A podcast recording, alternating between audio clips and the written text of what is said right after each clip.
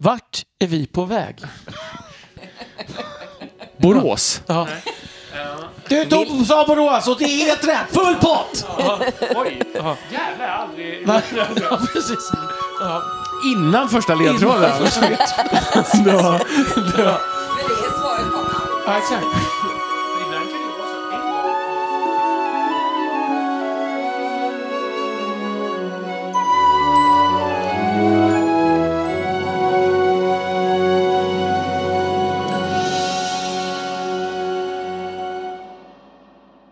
Och välkomna till det 58 avsnittet av Tolkienpodden.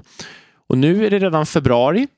Tiden går väldigt fort, känns det som. När man har så här roligt. Ja, precis. Som vi har varje gång vi spelar in. Och vi som vi då syftar på Mm. är Adam. Elisabeth. Daniel.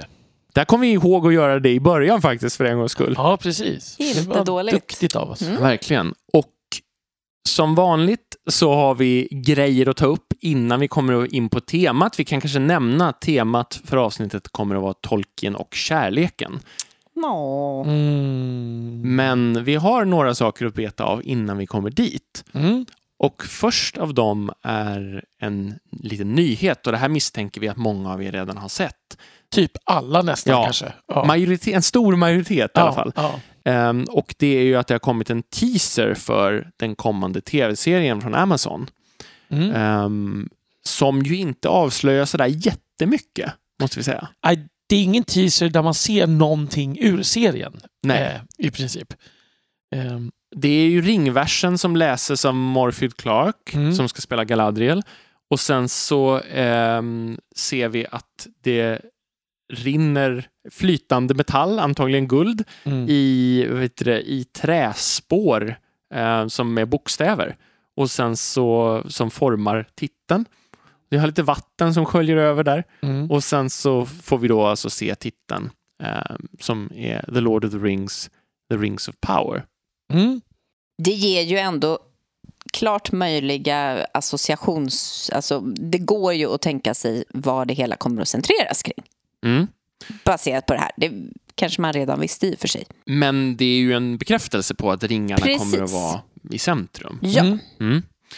Och det är nog ett klokt beslut. Ehm, Vi vet ju inte exakt hur det här kommer att göras, men vi har ju pratat tidigare om att det är många, alltså det är en väldigt lång tidsperiod Mm. och då gäller det ju att avgränsa det här på ett bra sätt och då tror jag att ringarna kan vara en klok avgränsning. Mm. Och, och det öppnar ju samtidigt för att vi kommer kunna följa många olika personer som The Rings of Power är ju verkligen Mm. Det, är- alltså vi får, vi, det öppnar ju möjligheter. Och det var ju någon som jag läste på Twitter tror jag som sa att eftersom vi inte vet någonting om till exempel de här människorna eh, som får, eh, får ringar så skulle det ju kunna bli, vara en grej att en av till exempel huvudpersonerna som verkar vara en hygglig prick Mm. är en av de som får ringarna. Till Ja. exempel. Eh, det, skulle, det tycker jag vore en intressant vinkel om Verkligen. de tar den.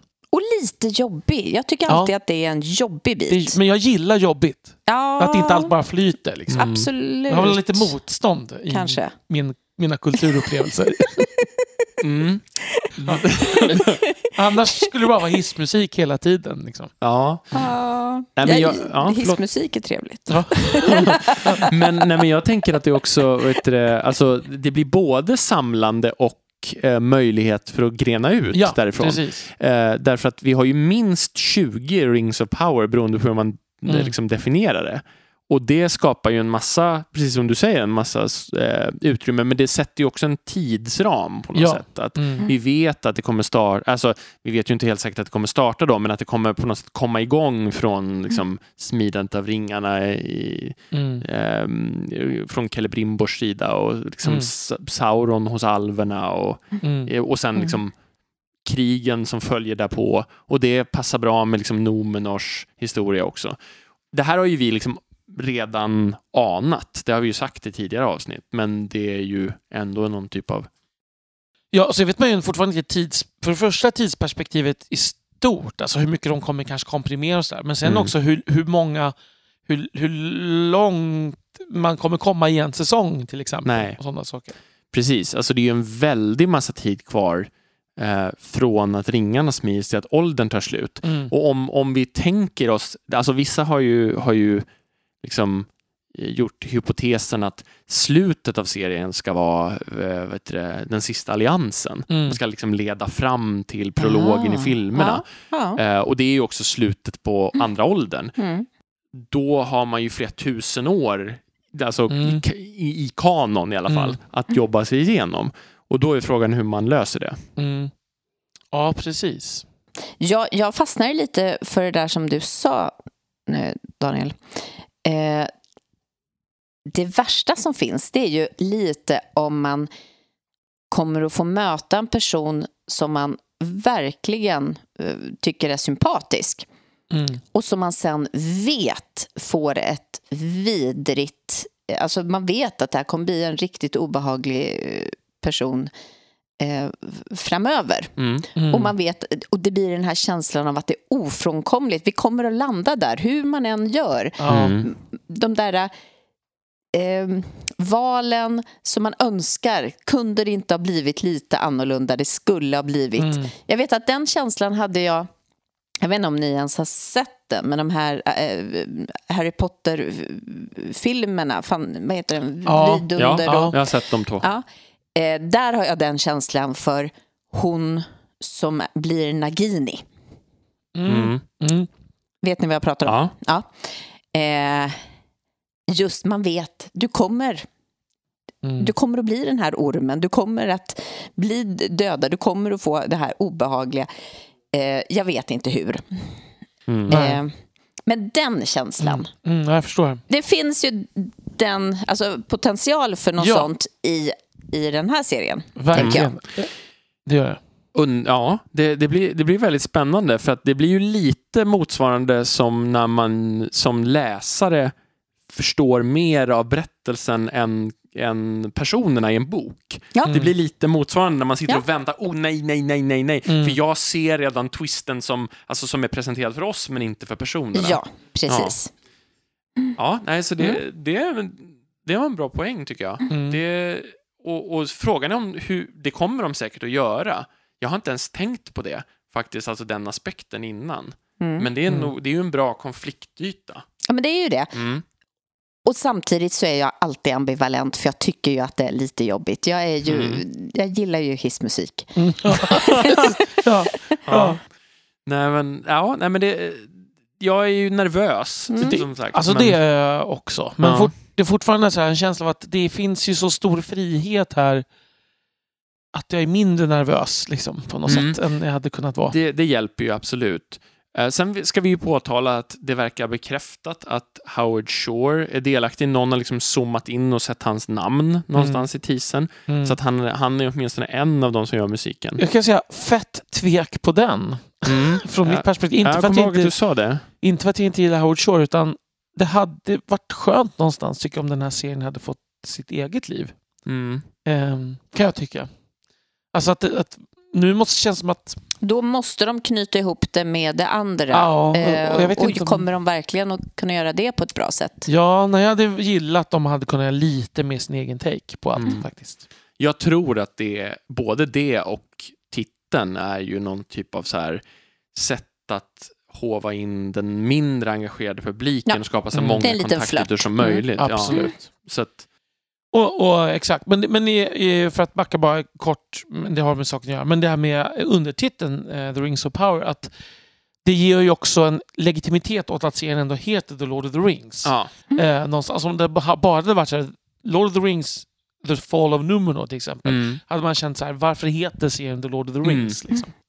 Precis. Och det är ju liksom Sauron som ju är den Ja. stora... Ja, men Liksom, exakt. exakt. det, det, li, det blir lite så här eh, Star Wars prequelsen med liksom Ja, ja verkligen. backstoryn till Darth Vader. Liksom. Ja, ja, absolut. Ehm, förut, och får vi hoppas att de blir bättre än, Ja. än dem. Ja. Men, Sen finns det ju då möjlighet att göra en backstory till den här. Så att vi kommer ju kunna så här, gå bakåt i tiden mm, Mm. allt eftersom. ja. Bara pre prequel på prequel på prequel. Ja. Liksom. Eller Precis. hur? Ja. Valv på valv. ja. Ehm, Sen så släppte de ju en sån här making of video också. ja, där man såg att det var liksom gjort rent fysiskt. Ja, den här... det var inte bara effekter, utan Nej. man hade faktiskt... De har mejslat ut i trä. Ja. Och, ja, det är lite udda Ja, idag. men det tyckte jag... Det, det, tyckte Det är jag sympatiskt. positivt Ja, det är ja, absolut. absolut. Och sen tyckte jag det var snyggt med den här lilla eh, fanblinkningen med att liksom när hon prat, eh, pratar om eh, människornas ringar så ser man det här vattnet spola över, över trä, träytan. Mm. Vilket ju liksom känns som en koppling till Nomenor och Nomenors undergång. Mm. För att då dränks hela skärmen i vatten plötsligt Mm. när man pratar om människorna. En liten hint. Ja. Ja, Och undrar vad, undrar vad som kommer hända där med Ja. den där ön. ja exakt. Ja. Fett coolt. Elisabeth bara, i den här versionen kanske den kan Ja. få slippa sjunga.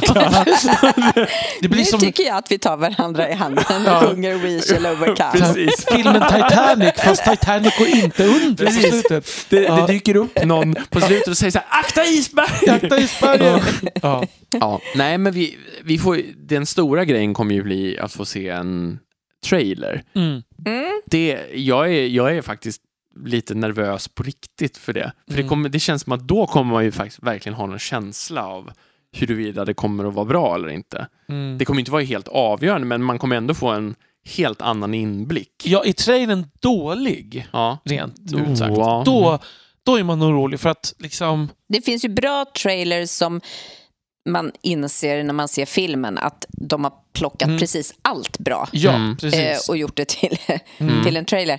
Men däremot så är det ju inte så ofta som man ser en dålig trailer och det sen är en fantastisk film. Nej, det finns ju trailers som kan signalera fel. Liksom. Alltså, Det finns många Mm. trailers som signalerar mer action ofta än Ja. vad det visar sig sen vara i filmen. Mm. Så så skulle Mm. det ju kunna bli till Ja. exempel. Men det är inte riktigt samma. Men alltså, e- ett exempel på det där som du sa Elisabeth, med, det var Guldkompassen-filmen, alltså inte den nya Mm. serien. Alltså, där, där tyckte jag att trailern var helt fantastisk. Mm. Jag tänkte så här, här kommer bli så bra, för jag tyckte många av de visuella valen var väldigt bra. Mm. Mm. Och sen så tyckte jag i filmen, som hade ändrat väldigt mycket, inte alls Mm. höll. Nej. Men, men trailern, bara utifrån trailern så ser det fortfarande ut som en fantastisk återgivning av första boken. Mm. Liksom. Ja, så att Ja, exakt. det, det är ju inte helt... Men man får ju, kommer ju få någon sorts mouthfeel ändå. Mm. Liksom. Mm. Hur stämningen kommer att vara, hur, hur det kommer se ut och så. Hur kommer det kännas som den här Shannara-serien på HBO eller kommer det kännas liksom på riktigt? Ja. Eh, Nej, om det gör det, då... Oh, Mm. ja. Ja. Och nu presenterar jag Elisabeth som har månadens Tolkien-tips.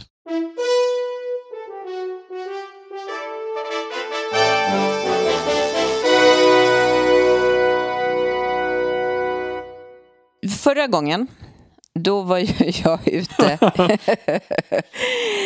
och pratade om något som redan hade varit. Det var ju inte så lyckat så att vi hoppade snabbt över och lät eh, Daniel prata istället. Eh, Så då blev det min tur nu. Och då tänkte jag att, att det här tyckte jag tyckte ändå att det var ett väldigt bra eh, förslag som jag pratar om. Så då tänker jag hålla fast vid det. Bra. Fast eh, med en liten twist. Det vill säga eh, Vasamuseet. Vasamuseet som jag har någon så här konstig relation till. ja, du Eh, nämnde det förra gången Ja. till... Ja, men det är ju jättekonstigt. För jag har, jag, jag har lite problem med att man bygger ett stort skepp som sen eh, sjunker. Och så gör man, plockar man upp det och så gör man ett museum av det. Eh, vilket har gjort att jag, när jag har haft besök från olika länder så har jag suttit utanför ibland och väntat medan de har varit in. Oj! Ja, det är, Eh, jag, så. jag kan inte tänka mig att man kan ha en så stark känsla Äh, på det sättet inför ett museum. Nej, men, men det- alltså, det har ju funnits några år.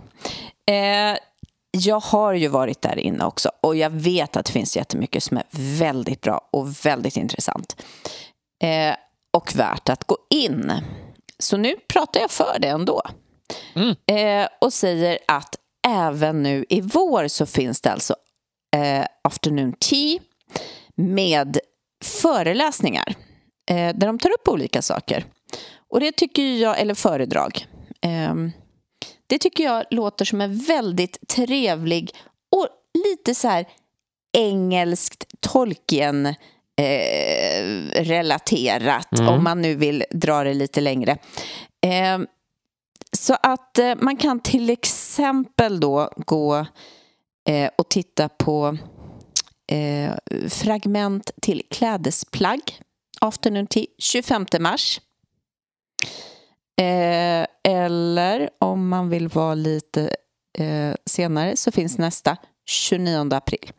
Så att det finns några sådana här olika teman som, eller Vasas strumpor Ja. med Afternoon Tea. Jag tycker att det är en trevlig liten flört med England Med afternoon tea. med Afternoon Inte Tea. strumporna då. Eh, och intressant med sådana här små detaljer. Och små detaljer är ju väldigt eh, tolkenskt. Mm. Att gå Han hade in... nog kunnat uppskatta det här. Ja, precis. Det tror jag faktiskt. Ehm, så att eh, jag uppmuntrar folk att eh, besöka Vasamuseet helt enkelt den här våren. Eh, och nu, så apropå flörta med olika saker då, så går jag vidare och flörtar även med temat idag och säger att 12 och 13 mars, kärleksweekend, har flyttat in eh, på Vasamuseet. Oj. Ja, där kan man... eh, Nu tänker jag läsa högt här. När skeppet Vasa gav sig ut på sin jungfrufärd var hon utsmyckad... Hon gjorde väl inget annat än en jungfrufärd. Ja, var hon utsmyckad med hundratals skulpturer målade i starka färger.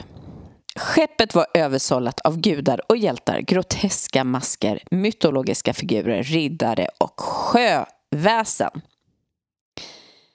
Eh, tillsammans så låg dessa skulpturer på botten i 333 år och väntade på att få dela sina berättelser med resten av världen. Eh, och de här får då liv under kärleksweekend och berättar sina kärlekshistorier. Eh, och det är också så här lite härligt eh, att ge liv till diverse mytologiska eh, saker. Det känner jag också en liten, liten eh, omklappning där från tolkens sida. Eh, och man kan då ha vara med i en kärleksfrågesport. Alla som prickar, de som prickar alla rätt, de kommer att vinna en alla hjärtans dag-bakelse. Så Ja. här finns Det möjligheter. En månad efter alla hjärtans dag. Ja, jag Ja. vet. Ja, det är de... Lite konstigt. Det är precis som Lite att konstigt. semlorna började säljas 2 januari ja, nu. Ja, just det. Ja, det är sant. Ja. Ja, men det låter jättemysigt. Eller hur? Mm, det verkligen. låter lite mysigt. Ta med någon ni tycker om. Mm. Mm. Precis så. Det var mitt tips. Bra Mm. tips. Tack så mycket. Och lite fint ändå att Vasamuseet fick lite upprättelse av det Ja, men här. jag känner det. Alltså, Man får ju ris och ros.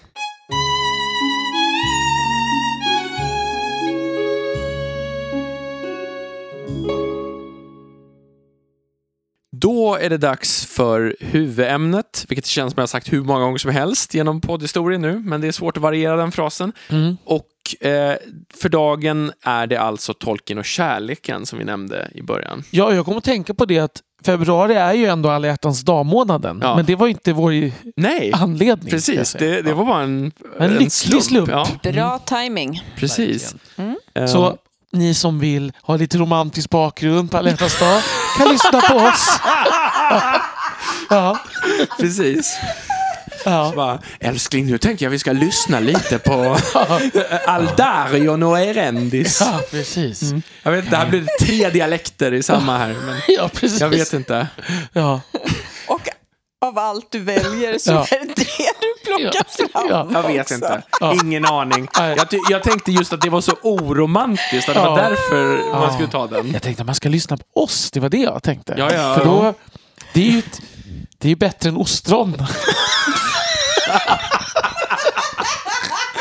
ja. Hybrisen har Ja, slagit till här, Daniel. Ja. Ja. Vi är lite flamsiga idag. Ja. Ja. Vi går vidare. Mm. Ja. Vi går vidare, vi har inte ens börjat. Ja.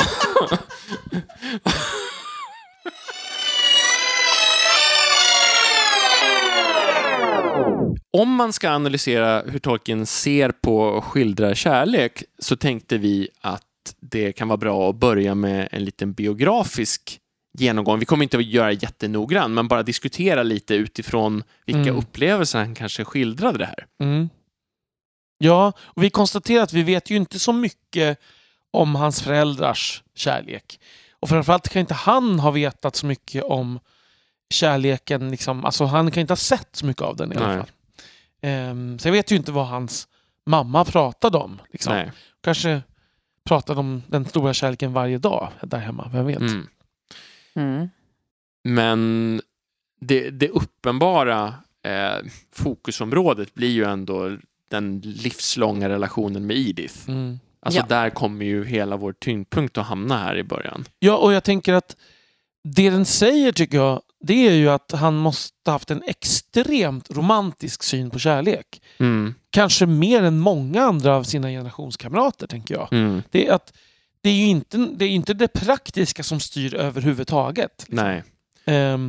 Och Vi ska ju återupprepa det här att han eh, fick ju vänta på henne i flera år. Mm. Det, Mm. det har vi ju nämnt tidigare, men vi kanske Mm. kan tål att sägas igen. Att han var tonåring och fick ett ultimatum av sin förmyndare då efter att eh, mamman hade dött, mm, som var, alltså var en katolsk präst, mm, och som sa att han var tvungen att avbryta den här eh, relationen och han fick vänta i flera år. tills han blev myndig. Ja, tills han blev myndig Mm. innan han fick återuppta det och då återupptog han kontakten omedelbart och då var hon redan Och jag förlovad. tänkte säga det, och då bröt hon i sin tur upp en förlovning. Ja, Mm. Eh, så att romantiskt måste man väl ändå alltså, säga Verkligen. att Mm. starten blev på något vis att man både kan vänta och eh, att hon faktiskt hade gått vidare och genast bryter upp.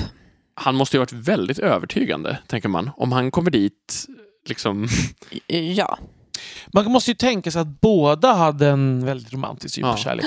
Mm. Faktiskt. Mm, Eh, och, liksom att, och det måste ju också vara så att hon heller inte hade glömt honom. Nej. Tänker jag.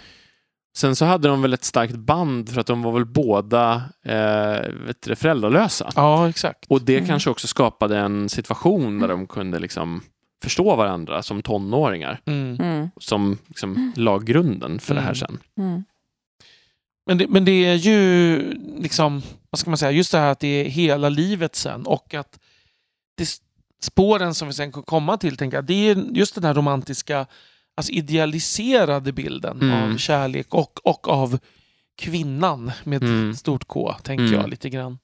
Och det, det är ju inte alltid lätt. Edith är ju sjuk ganska mycket till exempel. Mm. Eh, Om man läser Tolkiens brev så nämner han ju väldigt, väldigt ofta att han har fått liksom slita med att Mm. min fru har varit sjuk samtidigt som jag har haft jättemycket arbete. Men vet du vad jag också tror när jag...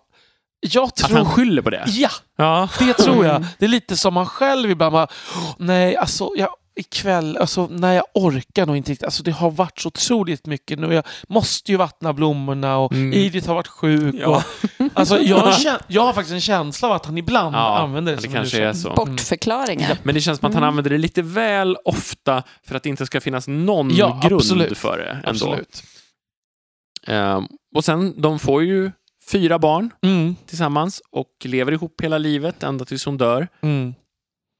Och- Och, och han offrar ju liksom, eh, nu, nu låter det här ur ett modernt genusperspektiv så offrar han inte jättemycket. Eh, men, men det är ändå liksom utifrån den tiden, han i slutet av livet då så flyttar han ju till Bournemouth som han hatade vad jag förstår Mm. i princip.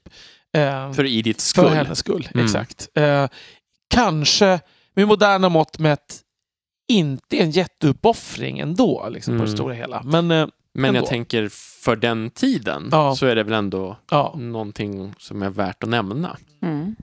Och, och sen så saknar han ju Edith något fruktansvärt, vilket inte är konstigt efter att hon dör. Mm. Han skriver ju en, en, det kommer vi kanske komma in på eh, här på själva berättelsen, men han skriver ju ett brev att eh, han jämför sig själv med, med Beren Mm. eh, och att det här att eh, nu fin- det här- men i verkligheten finns det ingen, inget sätt att och, vet du, vädja till den eh, vad ska man säga? Till en högre makt. Ja, nej, men alltså han säger the inexorable mandos. Ja, ja, jag försökte hitta på en, komma på en bra spontanöversättning. Vi får Ja. titta i Bergons översättning av Ja. breven, precis. se vad det står. Men alltså att han pratar om faktumet att i verkligheten går det inte att vädja till någon dödsgud och få tillbaks någon. Nej. Och att det är väldigt tufft. Sen så är det ju helt självklart om man har levt med någon så länge att det är väldigt, väldigt svårt Mm. de sista åren där. Vara själv. Mm. lite fin bild eh, av en kärleksrelation ändå, känner man ju när man lyssnar på, på sammantaget så här. Mm. Mm. Eh, Sen tycker jag det är lite intressant i sammanhanget att eh, i andra av breven, Mm. till exempel till Christopher, så, så diskuter, det pratar vi lite om i Tolkien och kvinnorna, men så, så pratar Tolkien ganska mycket om hur olika män och kvinnor är enligt hans synsätt och sådär och hur svårt det är vissa saker att leva ihop och sådär. Mm. Så jag tänker att det kommer fram andra saker som antagligen har att göra med hans liksom, gifta liv, men som han aldrig säger direkt i det sammanhanget, tänker jag. Eh, Mm. När Tolkien, när, när J.R.R. Tolkien alltså ger Christopher råd om olika saker, eller andra av barnen också, Mm. eh, då tycker jag att man kan liksom ana att han tycker vissa saker känns knepiga, men han vill inte säga rakt ut om Mm. sin fru, utan pr pratar i allmänna termer om liksom könen. Sådär. Mm. mm. Och, och, och det kan man väl se på två sätt. Dels kan man ju se på det då utifrån en kate, liksom ett ett katolskt perspektiv att, att skilsmässa hade ju inte varit aktuellt ens om det var aktuellt. så att säga. Nej. Men det är inte kanske så jag läser heller utan om man vill se det mer positivt så kan man tänka även det är ju ganska en romantisk syn. Liksom att, men trots att vi är så olika och så, men det här, vår starka, våra starka band eh, gör att det liksom, vad ska man säga, vi, att vi, vi väljer det här. Mm. Så. Men så läser jag det. Ja, jag tror ju precis. inte att han var olycklig i sin nej, relation. nej, exakt. Mm. Men jag tänker att i verkligheten är det ju aldrig helt gnisselfritt. nej, det vore ju liv. konstigt. Jag tänker också lite grann att när man då själv inte har sett eh, sina föräldrars eh, relation eller någon annan nära relation, vuxit upp eh, med ensamstående mamma som väljer att konvertera och sen så när hon går bort eh, så, så är det en, en präst som då inte heller givetvis är i någon relation. Eh, då blir ju kanske hela bilden av likheter och skillnader i- i- mellan könen i en relation den enda bilden man har är den Mm. man själv lever i. Mm. Mm. Man har inget att jämföra med. Nej. Nej. Sen leder det mig osökt att tänka på ett annat relevant område. Nämligen att han kan ha fått en bild från litteraturen Mm. och, och annat som han mötte. Alltså i brist på andra referenspunkter så kan man tänka att han har lagt större vikt vid liksom romantisk eh, roman, litteratur från romantiken eller riddarromaner eller så här. Mm. Det finns ju någonting, det kommer väl kanske in på sen också, men det finns ju någonting i hans skildring som, som ekar idealiserad medeltid också. det behöver inte nödvändigt, alltså, men även om man hade haft hundra relationer så hade det kunnat vara så. För att jag tror ju att i, i, i vårt samhälle så, så, så har vi en bild av vad kärlek är också på grund av de, de upplevda kärlekshistorier vi ser Mm, på film verkligen. och tv och sådär. Liksom. Så Men- vi alla har ju en bild av hur en relation ska vara. Även om kanske bilderna är liksom lite mer varierade nu då förhoppningsvis. Än kanske då. Men jag tror dessutom att de är, alltså även om de är mer varierade så tror jag att de är annorlunda idag jämfört Mm. med det Tolkien liksom jämfördes emot. Så är det ju. Alltså det, det finns ju mycket mer så här, vad ska man säga, verklighetsnära eller lite mer pragmatisk relationsbild. Även om det finns en massa saker som man ska leva upp till Mm. så är det ju inte på det sättet som det här, alltså om man tittar på mycket antik och medeltida litteratur så är det såna här folk som dör av sorg när de får höra att den andra Mm. eh, har dött. Alltså det är mycket sånt där Mm. som, som ju är väldigt tydligt förhöjt. Jag tänker också att det blir mer kanske lättare nyanserat när man får så många olika intryck av, från olika håll eh, som man kanske får idag också via olika typer av medier. Mm. Eh, och att man på olika sätt stöter på människor som lever i olika typer av relationer. Mm. Eh, så att det blir liksom inte en bild av så här är alla eh, lika enkelt. Utan att det blir så här kan det vara. Exakt. Och där tänker jag att det finns ju ett, ett angränsande ämne som vi inte har gjort ett avsnitt om som kunde heta tolken och sexualiteten som skulle vara svårare tror jag att Mm. men där, bara ta det lilla sidospåret, och, och nu får väl känsliga lyssnare stänga öronen. Mm. Eh, men jag tänker att om dagens, om dagens unga människor har ju en bild av sex som är så färgad av porr, liksom. Mm. det är ju uppenbart, Mm. så tänker jag att den generationens ungdomar hade ju en bild av sex som inte var färgad av nästan någonting. Mm. Alltså, det är klart att det fanns massa Mm. skildringar såklart. Men, men, men det måste ju ha varit väldigt mycket mer att man bara man, man börjar från noll på många ja, sätt. absolut. Och framförallt i ett samhälle som liksom undertrycker sådana Ja. skildringar i Ja, stor utsträckning. exakt. Fortfarande där. Mm. Och det, ja, jag tänker just avsaknad av sexualitet är ju ganska uppenbar i hans litteratur sen.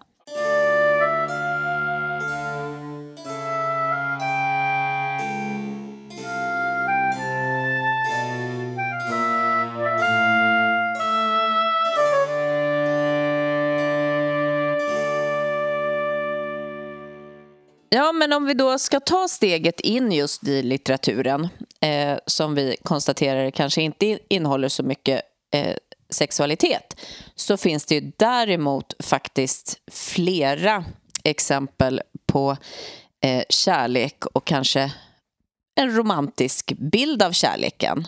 Eh, och det är svårt att eh, börja prata om det här och inte gå tillbaka och kanske starta eh, med den relation som till och med står på hans gravsten, det vill säga Beren och Luthien.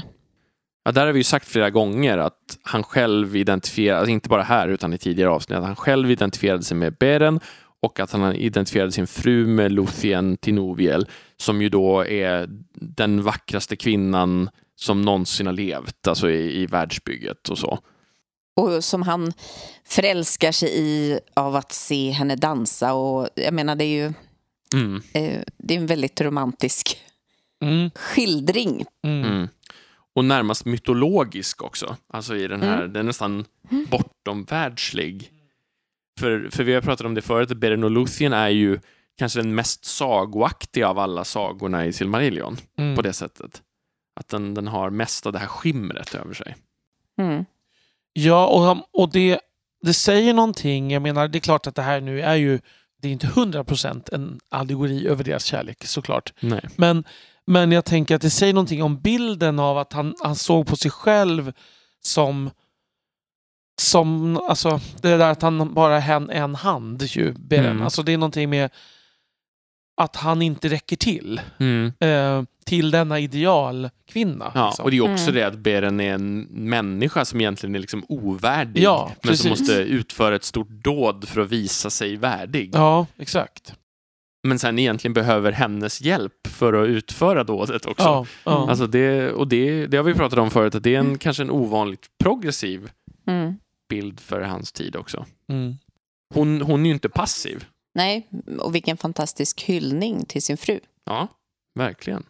Och det, om det här då är den mest tydliga symbolen för hans egen syn på kärlek så är det ju en, en vad ska man säga, det är ju så otroligt upphöjt och Ja. ehm, romantiserat. Men det är klart, Tolkien, återigen då utifrån vad du sa tidigare Adam, vad han säger till sina barn, det här är ju inte hans syn på att så här är alltid kärlek. Nej. Ehm, det kan det ju inte vara. Liksom. Nej, men det här kanske är lite på samma sätt som vi har pratat om att han ofta istället för att vara verklighetsnära Mm. försöker hitta någon sorts djupare sanning genom att inte vara så Ja, verklighetsnära. exakt. Mm. Mm. Alltså, så, så Daniel, du har sagt det någon gång i ett tidigare avsnitt om det här med att liksom, första världskrigspoeterna Mm. blev liksom eteriska för att det på något sätt var sannare för att skildra något som, som blir förminskat om man blir för realistisk. Mm. Ja, så precis. tror jag han, det här, kanske han hade skrivit under på Ja, som beskrivning. Ja, och det är intressant att några av de här liksom mest tydliga kärlekshistorierna skapar nyansen ganska tidigt i livet. Sen de senare som dyker upp är ju ofta lite mer problematiserade. Mm. Eh, på lite olika sätt kan man väl säga. Mm. Ehm, ja, det är ganska mycket problem i den här kärlekshistorien också.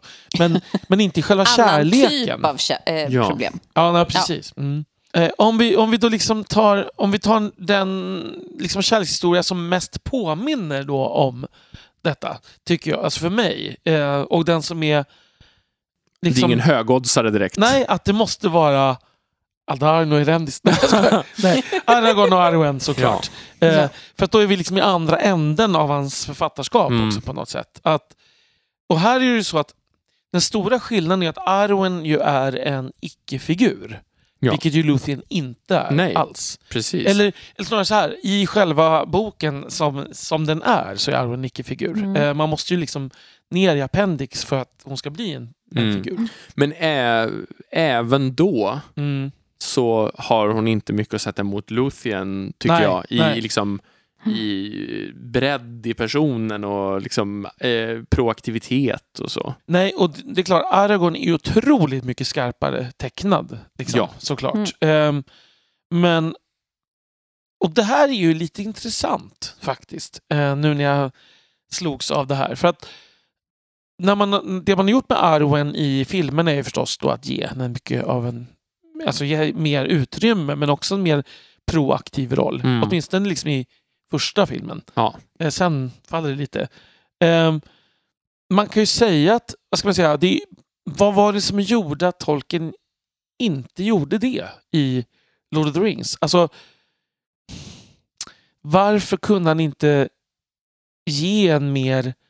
Ge en, alltså, jag, jag förstår ju hans alltså, argumentation att den berättelsen ryms som den är, inte i, i Mm. ramen. Liksom. Mm. Men varför känner han att berättelsen som sådan behövde bli sån att den inte rymdes? Alltså varför gav han inte henne mer att göra? Men, Alltså- alltså, mycket för att hon inte var med i berättelsen från början, rent liksom när han skrev. Mm. Alltså eftersom Aragorn från början var en hobbit, liksom, som hette Trotter, ja. då var det liksom en kärlekshistoria så långt bort. Men sen tror jag också att det finns en tidsaspekt där av att han ser på det som det här är ett medeltida krig. Mm. Det är inte realistiskt. Redan Eowyn måste klä ut sig. Alltså att Ja, han liksom ja. att han har den bilden. Och där tror jag faktiskt att det finns en, en tids... Alltså att vi, vi ser det på annorlunda på det sättet. Liksom. Ja, och då, då tänker jag, eller då tänker du kanske, eller jag tänker att du tänker att eh, det är skillnaden att Ben Luthien utspelar sig i någon slags mytologisk värld där det är Och också möjligt. Att, precis, och också att berättelsen skildrar inte i lika stor utsträckning... Alltså, så Lord of the Rings är mer eh, ram, inramat av direkt krig, krigsmiljö. Liksom. Mm. Jag tror att den är mer präglad av hans första världskrigsupplevelse än vad Silmarillion-sagorna är. Mm. Och att det liksom ska vara någon slags realism och inte saga. Ja, Fast jag tycker ändå att det är lite överraskande att han inte... Men han, på många sätt så begränsas inte han av gränserna i sina berättelser utan då skriver han ju en, så här, ett sidospår som inte kommer in i själva mm. boken men att det inte finns mer i appendix. Mm. Eh, att det inte finns... Eh, ja, men Mm. mer att ta på, mer, eh, mer utvecklat. Det kanske det finns, bara inte hamnat där Mm. eh, och inte ännu kommit fram. Eh, men det, det känns som att det här borde vara en sån... För det är ju en sån tydlig, tycker jag, att man sluter cirkeln från Beren och Luthien till, till eh, så, så blir det ju någonstans att man liksom gör ett avslut på, Mm. på den berättelsen och att man Mm. inte ger henne mer. Det tycker jag ändå är överraskande. vi, jag inser att vi har inte sagt det nu, men en anledning till att det finns en så tydlig parallell mellan de här, det kanske vi ska påtala då, att, att alla säger då att Arwen är som en spegelbild av sin förmoder Luthien. Mm. Att hon är väldigt lik i utseendet och dessutom så har vi liksom ett släktskapsband mellan Beren och Aragorn också. Mm. Ja. Det, kan, det ska vi kanske liksom ta upp så att vi inte bara förutsätter att alla har koll på det. Nej, exakt. Nej, men det är ju säkert som du säger, men, men det är också någonting annat. Jag undrar om det inte också var så att han skrev berättelsen om Beren Luthien när han var så nykär. På ett annat sätt. Ja. Eh, att, att liksom det blev den här eh, skriva av sig den här romantiska kärleken liksom, i en berättelse. Mm. Och när han kommer fram till Lord of the Rings så är det liksom han, det är en, på ett annat sätt. ja. Men jag tänker på det du säger Elisabeth kring liksom att det inte blev mer. Jag undrar om det är någonting kring liksom hur han tänkte sig att Appendix skulle bli eller någonting, alltså i det fallet. För att det är ju ändå jämfört med rollen Arwen har i historien, Mm. alltså i själva text, källtexten, Mm. så, får, så är det ju väldigt mycket i Appendix. Alltså Absolut. jämförelsevis. Ehm, så jag tror, alltså, för, för jag, jag slås av det varje gång faktiskt. Hur, alltså, trots att jag vet hur lite hon förekommer Mm. så Så överraskar jag, ja, nästa så blir jag gång. överraskad Mm. att, att det är så otroligt lite. Mm. Jag tror att hon har en replik i Mm. hela trilogin och hon är inte bland de 50 mest nämnda personerna i verket. Nej. Just det. Nej. Och jag kan, nu när jag så tänkt igen här så egentligen är det ett mysterium att Aragorn inte gifte sig med Galadriel. Um, Du, rent- rent dramaturgiskt. rent dramaturgiskt. Samtidigt så är det väldigt skönt. Ja. Eh, på något sätt. Men, men, alltså, men det är väl, där tror jag ju att det är för att Tolkiens icke-rutin, så att säga. Mm. Som, eh, inte för att han inte kunde skriva, men att han liksom... Den, en sån schablon. Liksom att den, och det hade varit tråkigare för det hade varit mer könsstereotypt att det enda, den kvinnan som har den största rollen måste gifta Mm. sig med den Mm. manliga huvudpersonen. Typ, Mm. liksom. Så på det sättet är det väldigt bra att Galadriel, hon är ju mm, officiellt gift med Celeborn, men Mm. hon är ju en självständig person. ja. Ja, ja, det är Som ju... inte är med i berättelsen som, som love interest. Nej, precis. Nej. Så, Nej. så att Nej, ju hon, väl... hon är ju en huvudperson med en sidekick som hon är gift med. Ja, precis. Och, och kun- hon kunde lika gärna vara ensamstående. Ja. Liksom. Mm. Men det, så, att, så att jag är väldigt glad över att han inte gjorde så. Mm. Måste säga att den som sågas mest i den här podden det är nog Daniels bild av Celeborn. Varje gång vi nämner Celeborn så är det såhär Celeborn the Wise. Celeborn. Ja, exakt. Det är Mm. en, kanske... Nej, alltså jag har Nej, jag inget... Det är mer bara. att... Det är mer att det är roligt. Ja, ja. Ja. Men, det, men det är också att, att han är så pass... Och det är, ju, det är ju kanske därför vi tar upp det, att det är så Ja. intressant att det ändå är tvärtom mot vad man skulle föreställa sig utifrån någon sorts stereotyp bild av Tolkien och, Mm. och genusmönster. Nej, för man tänker ju, eller man och man, jag tänker, ehm, en hel del när jag läser sådär så, så är man medveten om att jo, men Galadriel är ju mormor till arven. Mm. Celeborn är ju uppenbarligen då också morfar. Mm. Eh. Men det är inte lika... Det, det, det Jag- tänker man aldrig på. Nej, Nej. nej, precis. Man undrar nästan om det inte är så. Nej, jag eh, eh, nej, men, det, men för, jag, för det här slog mig nu att det, om vi nu går vidare då, lite deras kärleksrelation känns ju... Alltså, det är klart, Tolkien han ju fundera mycket över det här se- sen. Liksom. Men Mm. i verket som sådant så är ju deras kärleksrelation känns ju inte som en kärleksrelation. Nej. Utan mer som en... Som ett resonemangsäktenskap Ja, nästan. Precis. Även om jag inte tror Tolkien, han hade inte ställt upp på det vi säger just nu. Nej. Men det känns ändå Ja, så, alltså så, men, och och i, det, i det han skriver runt omkring så är det ju inte den bild man får. Eh, men, men i Men i själva texten. berättelsen. Och då är de ändå, känns ju som ett team jämfört med eh, deras dotter och Elrond. Precis, där vet vi ju bara att hon har passerat över havet efter Ja. Mm. liksom, traumatiska upplevelser. Mm. Men, men hon känns... Precis. Det är ju inte en kvinnlig rollfigur med särskilt stor agens, så att säga. Det Nej, men hon inte- finns ju knappt. Nej, nej, precis. Nej, jag håller med. Galadriel och Celeborn är ju liksom ändå en, ett koncept. Ja. Som, jag säga Mm. som DuPont-arna är jättekonstigt. Men Oj! helt, helt Jag har svårt att se den kopplingen. men, men, Ja, jag bara tänkte så här, vem är den med D och vem är den med T? ja precis, det är frågan. Ja, Ja. ja. Jättekonstigt.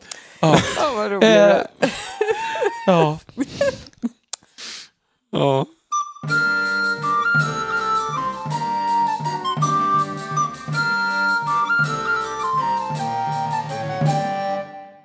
Nu har vi betat av tre som ändå liksom tillhör någon sorts liksom, eh, upphöjda exempel som Tolkien själv ser som liksom ideala eller fantastiska eller folk som har följt varandra genom tidsåldrarna och sådär.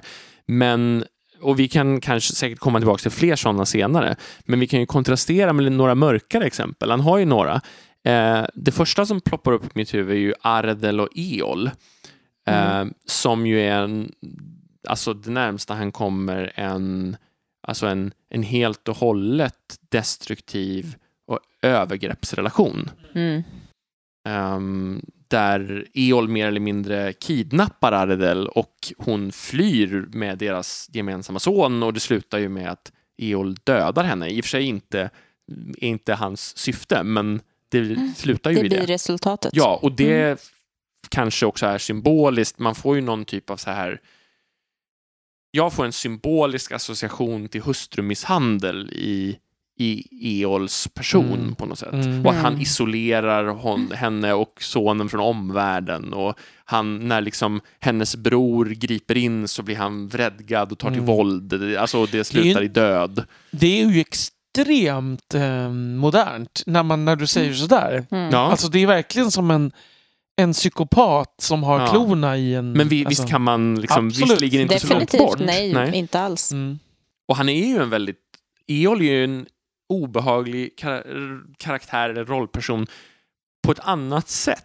Mm. Alltså Mm. än många av de mörkt skildrade som är mer mytologiska, mer tomma. Mm. Alltså, Men han är ju Eol- väldigt realistisk. Ja, Mm. alltså han är ju tecknad väldigt skissartat eftersom det är Silmarillion, Mm. men man får ju ändå sådana vibbar av ganska Mm. många... Men här, här har vi väl en syn på, om vi nu liksom...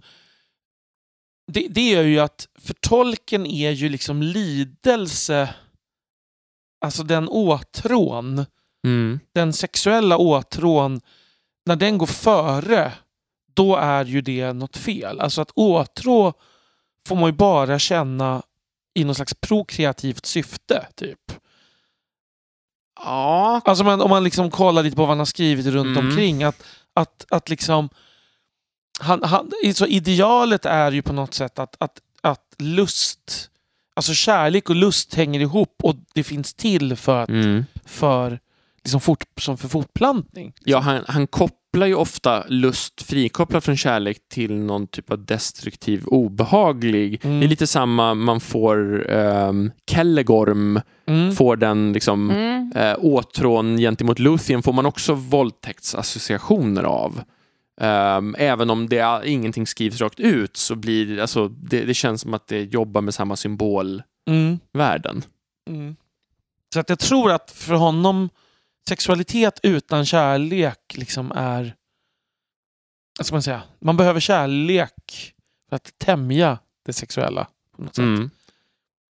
Och, och, och den kärlek som då Eol känner till Ardel är väl liksom inte kärlek på det sätt som tolken menar. Det här högstå, liksom höga. Mm. Nej, det, det känns ju mer som den här typen av så gotisk skräck man Mm. liksom kontrollerar, alltså den, den typen av farliga man som började liksom skildras i litteraturen på 1700-1800-talet. Mm. Stopp min kropp hade inte gått igenom där. Nej, Nej. Nej. det var tyvärr ganska långt kvar. Ja. ja, nej men det är ju, och det, det är ganska, det är intressant tycker jag att han plockar upp den här sidan av relationer också. Mm. Ehm, för det hade ju varit väldigt enkelt att bara plocka upp den här romantiska bilden Mm. och låta det onda vara något helt annat. Liksom. Mm.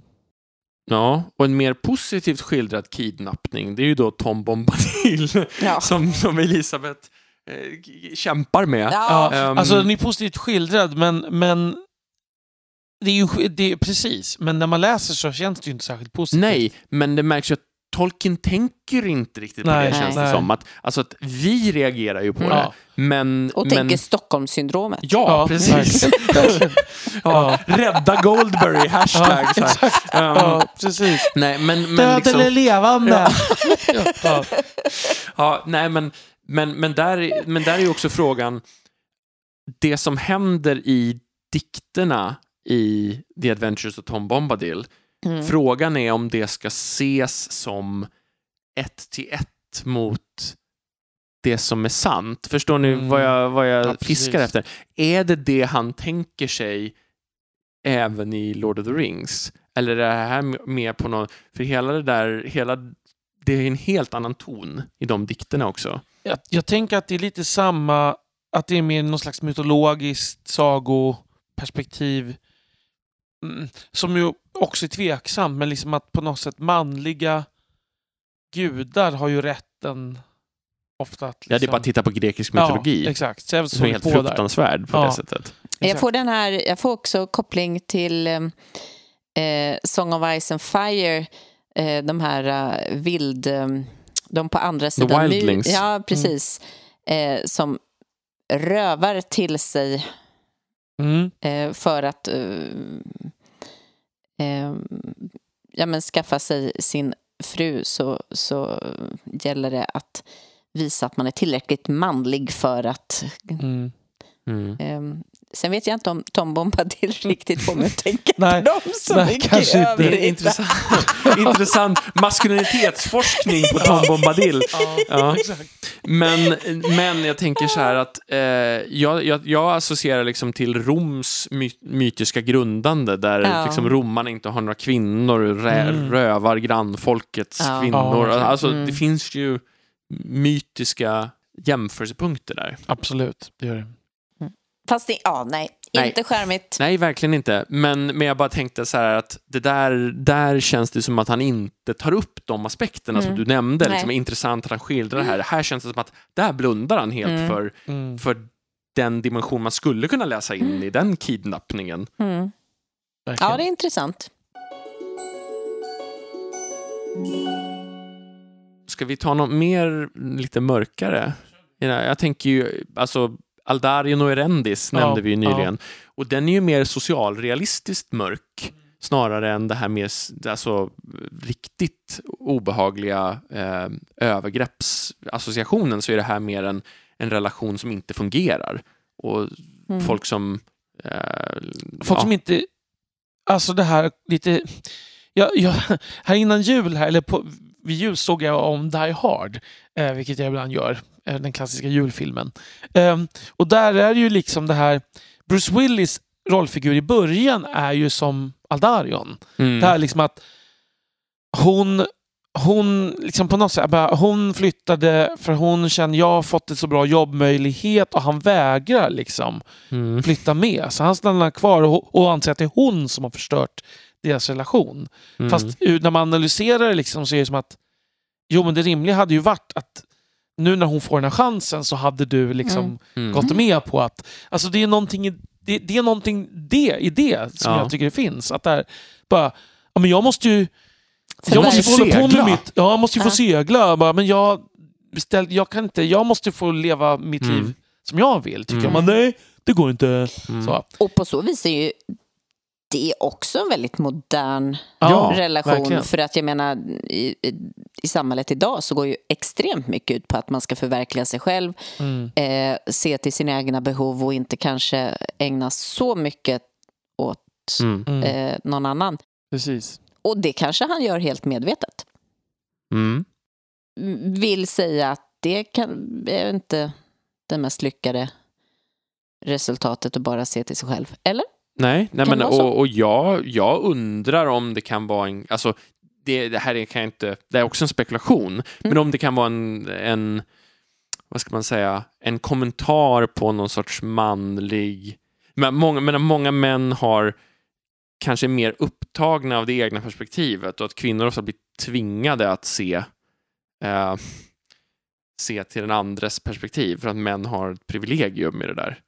Att det, Men, men här tror jag åtminstone att det är så att Mm. det är en kommentar på honom själv, tror jag. Jag tror att det är ganska självbiografiskt. ja, Att, att så här kunde det ha gått för mig. ja, om Alltså jag, lite- ja. Mm. Alltså så, så tänker jag att han hade ju den...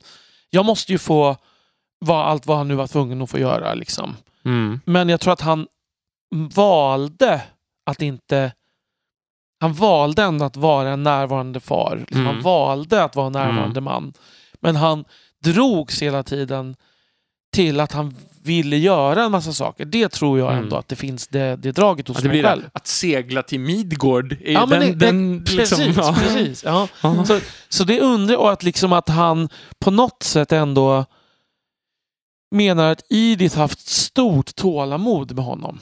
Det tror jag att Ja, han, det- han Det, det kan man ju föreställa sig faktiskt. och, och att han faktiskt har den insikten Ja. ändå. Mm. Ehm, och, att, och hela den här Bournemouth-grejen tror jag till exempel är, en, är en, ett sätt att försöka hantera ja, det. Ett resultat av den insikten. Ja, precis. Jag, och jag är inte säker på att det hon har klagat eller något sånt. Alltså, jag är inte alls säker på det. Men Nej. jag tror att han... Han inser att det lika gärna kunde ha blivit Ja, precis. Och att det fanns den resultatet. tendensen. Ja, liksom. ja. Eh, Att jag var inte så närvarande kanske som jag borde ha varit Mm. i det här. Liksom. Och jag tycker att det där kanske förstärks av det där som, som jag tog upp i eh, Unfinished Tales-avsnittet. Den här otroligt roliga kommentaren när en av de äldre kvinnorna säger att det var liksom massa män som redde upp och blåste i horn Ja. vid konstiga tidpunkter. Ja, Det känns också som ett skämt med honom själv ja, på något sätt. verkligen. Alltså m- Verkligen. ett skämt med hela hans genre och verk på något plan. Mm. Det finns ju någonting av enterna och entiskorna i det här också, tycker jag. Ja. Alltså, ehm, där, där finns de här liksom könsschablonerna på något sätt Mm. som, som, de, som det illustrerar. Att Mm. enterna tar hand om det stora och entiskorna tar hand om det lilla på något sätt. Och sen dessutom på något sätt så här att entiskorna vill ordna och förändra och Ja. enterna lever i någon sorts liksom bara vill utforska och Ja, följa med. Så det, det är ju väldigt stereotypt. mm. ja Alltså, det är det verkligen. mm. verkligen. Men jag tror också att det kan vara en, viss, en kommentar på honom själv någonstans. Mm. Mm. Ja, ja det, det känns ju inte som att enterna är liksom det finns ju helt klart något av The Oxford Don Ja, i, i de här gamla enterna. ja verkligen. Alltså- verkligen. De två berättelserna är ganska... Alltså det finns ju många paralleller där. Ja, absolut. Mm. Och det slutar ju illa här också. I båda Mm. fallen, ja. Ja. Mm. Ja, och det är inte helt uppenbart vems sida... Vad ska man säga? Eller tolken är ju inte så att det är svart eller vitt här. Vilken sida Nej. Ehm, han ställer sig på. Det- Men Nej. enterna heller, tycker jag. Nej, precis. Jag tycker det är, ju, det är ju mer uppenbart att man ska sympatisera med Erendis Ja, i den berättelsen verkligen. än att man ska sympatisera med entiskorna. Mm. För deras perspektiv får vi ju aldrig riktigt Nej. heller, utan vi kan bara ana det som en motpol mot det som presenteras. Mm. Ja, och jag tänker inte att han nödvändigtvis heller försöker få fram att man ska ta ett perspektiv. Utan Nej. det kan ju vara, handla också om att det mm, bara var en flera dåliga val i en relation någonstans. Mm. Mm, ja, verkligen. Eh, oavsett.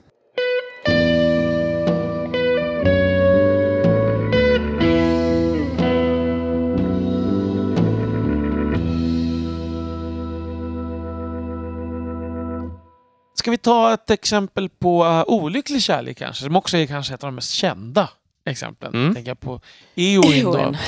ja, precis. Ehm, det, som ju, det är ju ändå en väldigt, vad ska man säga, ömsint beskrivning av olycklig kärlek. Ja. Tycker jag på något Ja. sätt. Ehm, Och man undrar någonstans igen om det är något Tolkien skulle hata mig i det här avsnittet känner jag.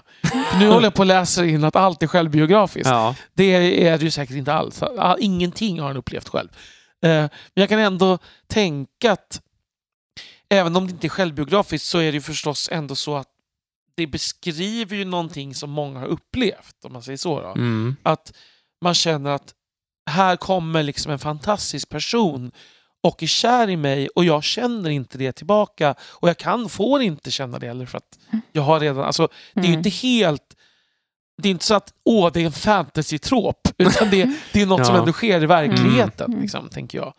Ehm, och hur Aragorn ändå tycker att det är en jobbig sits, vilket ju Ja. ofta är i sådana här, man bara, oh, hur ska jag nu säga att shit, alltså det här blev ju fel. Hur ska jag kunna säga att jag inte är intresserad utan att det blir fel nu? Och jag vill ju inte stöta bort den helt för att, alltså, alltså förstår ni vad jag Mm. menar? Ja. Han beter, Aragorn beter sig precis, jag känner igen mig liksom på något sätt i, Mm. i den här liksom...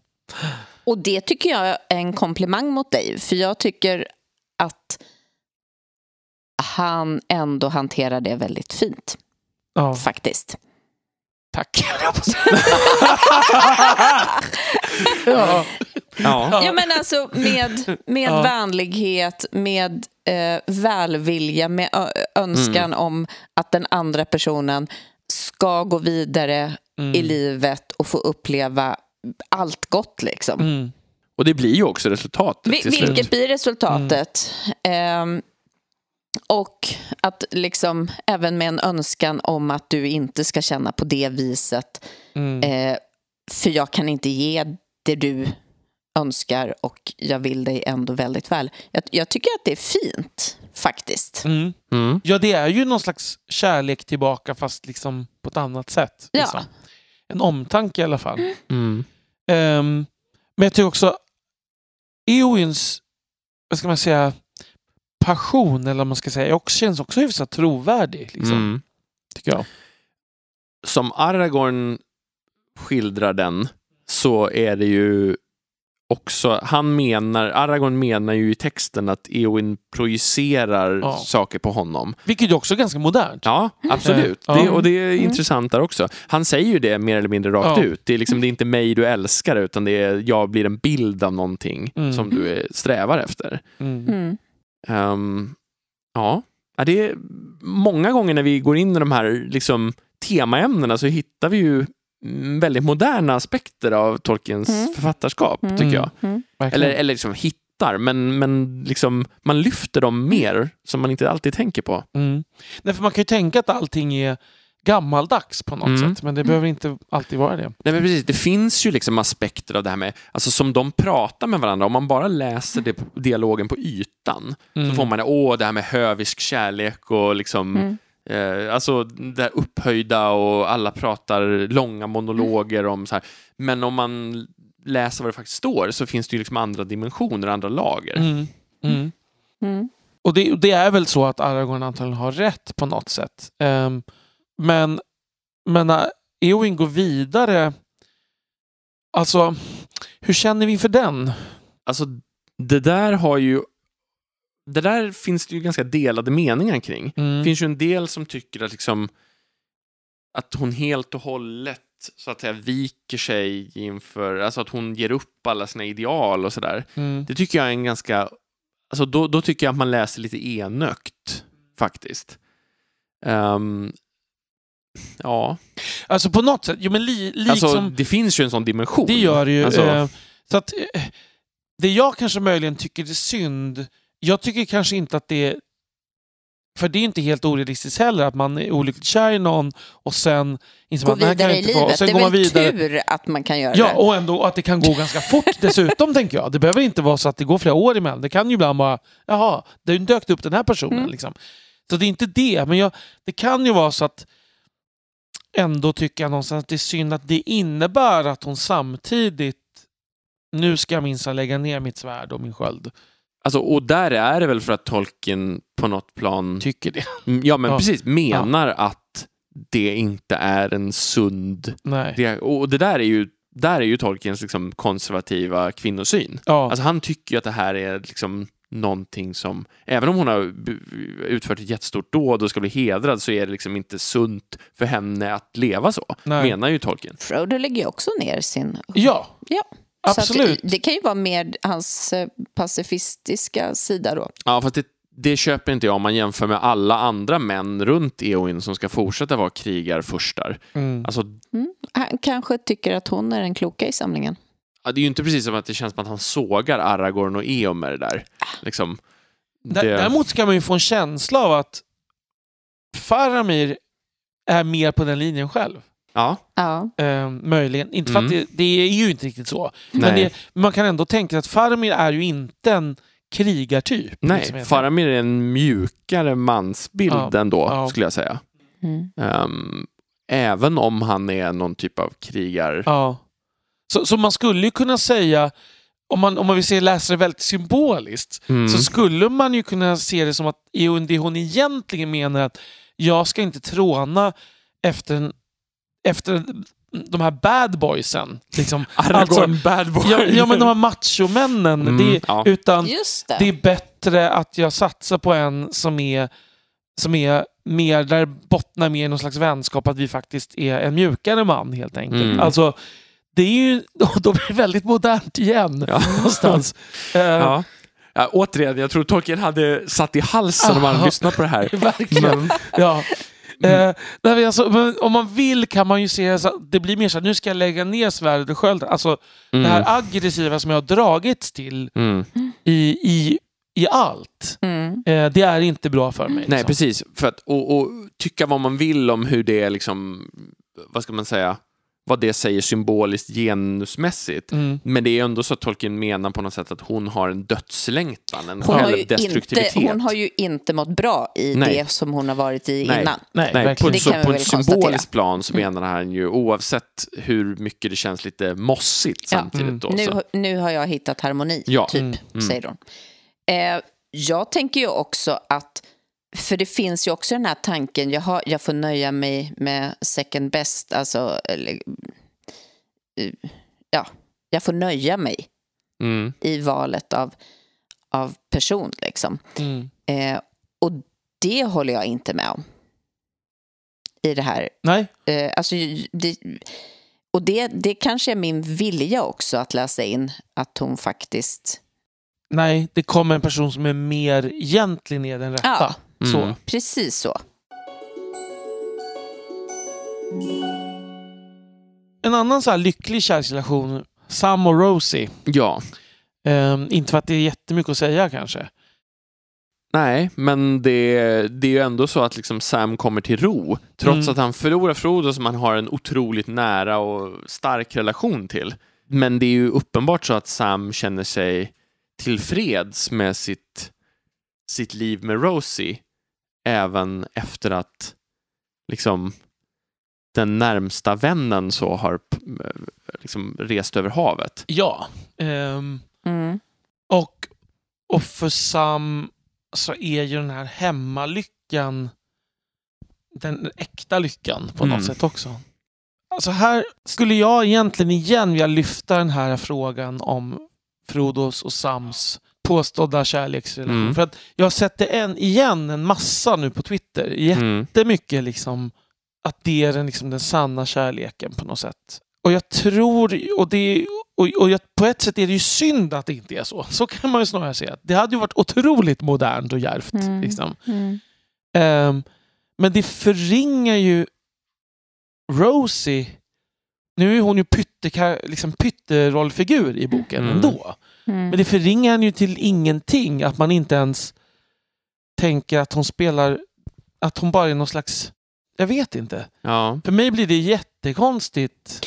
Och, och för, jag upplever ju ändå att det var henne som han hade för ögonen när han kände att världen håller på att gå under.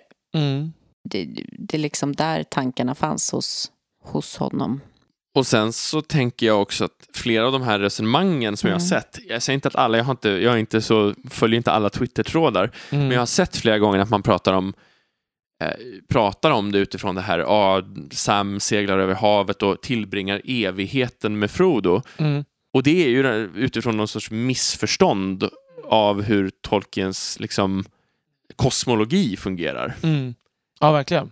Eh, därför att Sam kommer ju dö på andra sidan havet, precis som Frodo kommer att dö. Mm. Och de kommer sannolikt, eftersom hobbitar är en underavdelning till människor, passera utanför världens cirklar Mm. dit människorna samlas upp. Så sannolikt hamnar de på samma plats. Mm. Så, då, så det blir väl så att när Rosie är död så väljer Sam att liksom söka upp den näst närmsta personen Mm. i sitt liv, skulle jag se det som. Mm. Eh, och leva några år där. Mm. Och alla barn är vuxna och så att säga klarar sig själva. Mm. Så.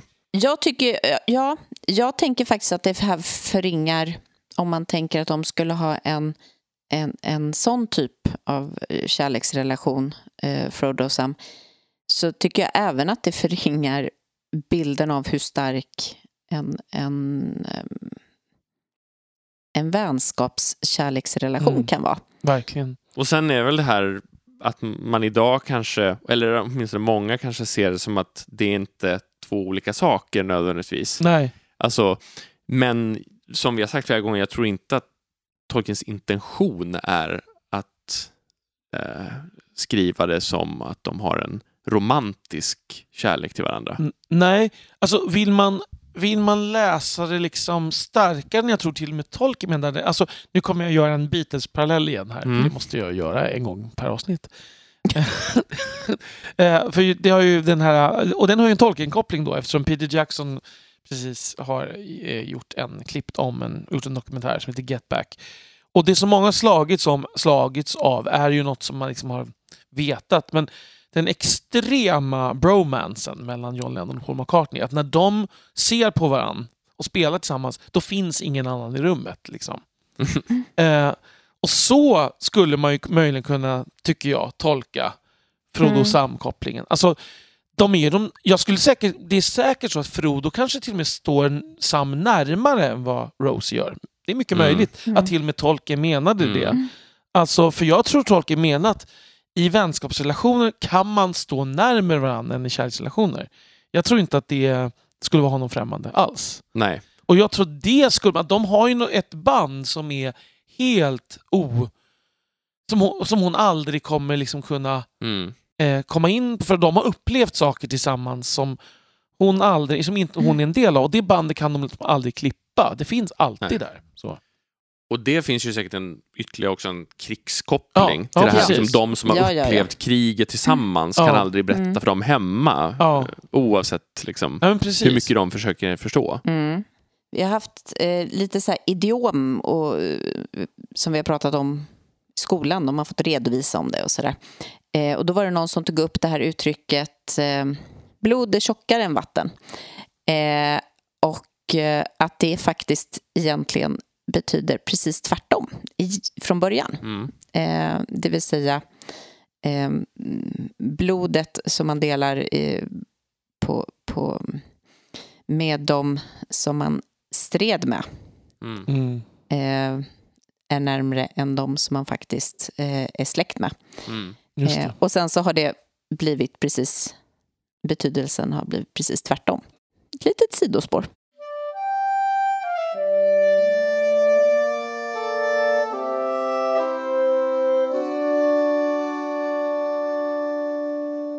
Vi kommer ju inte kunna gå in på alla, men vi kan ju bara... Det finns ju ett gäng till som ändå har en ganska viktig berättelsemässig funktion. Vi har ju den skeva missförståndet, det här syskon, Mm. eh, syskongiftermålet mellan Torin och Niniel.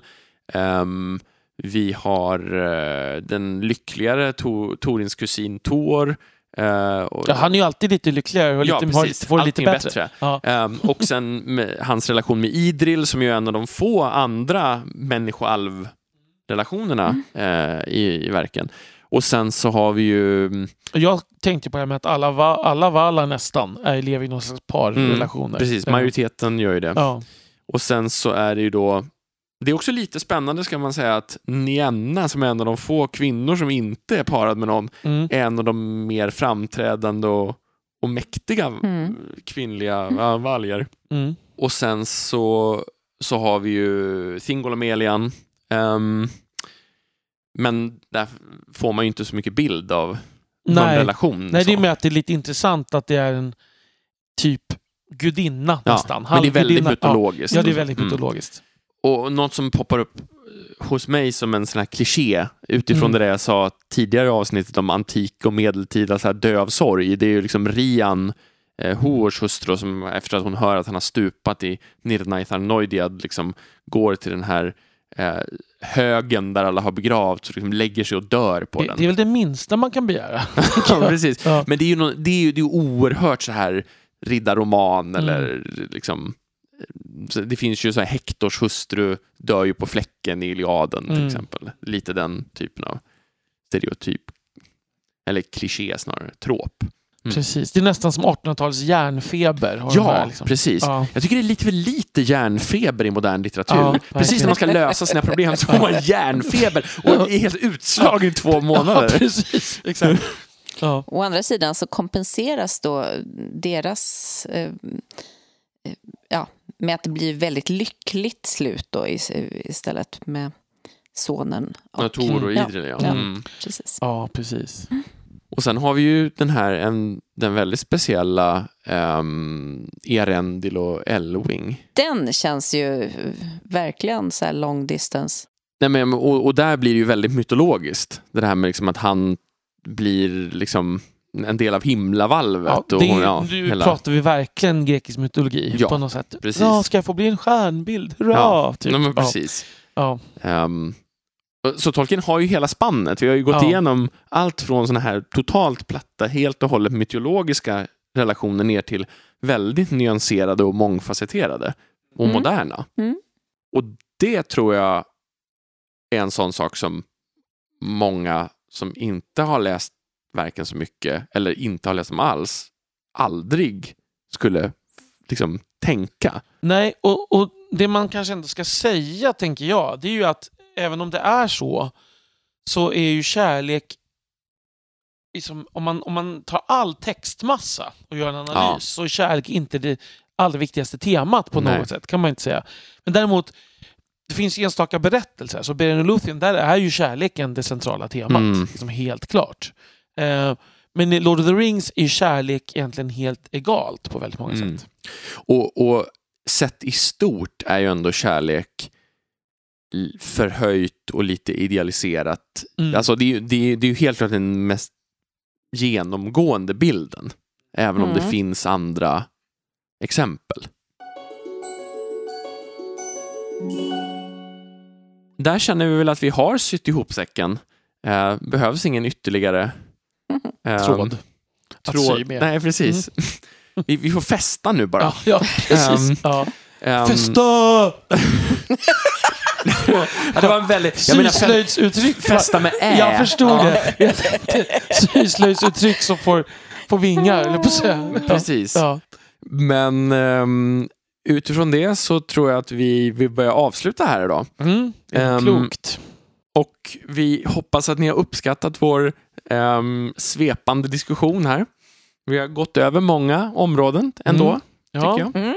Och ni har en kommentar eller tanke eller fråga på det vi har sagt så får ni jättegärna höra av er på eh, tolkienpodden at gmail.com eller Tolkienpodden på Facebook eller till och med Tolkienpodden på Twitter. Och här vill jag bara lägga in att vi har en del frågor som har gått obesvarade ett tag. Vi- väl, med tag menar vi Ja, flera månader. typ hela tredje åldern. Ja, nej, inte riktigt Nej. så illa. Nej. Men vi har inte glömt bort er. Vi har inte ignorerat era frågor. Det har bara varit en del av de mer ambitiösa frågorna har tagit för mycket tid att svara på. Men vi planerar att ha ett frågeavsnitt snart Mm. och därför så, så liksom, tänk inte att de ignorerade mig när jag skrev Mm. in några av er som har fått vänta länge på svar. Det var nära att det blev den här gången. Ja. Ja. Men med de orden så tackar vi för oss och hoppas att ni har uppskattat avsnittet och så hoppas vi att vi hörs igen om en månad. Ha det så bra, hej då! Hej då! Hej hej!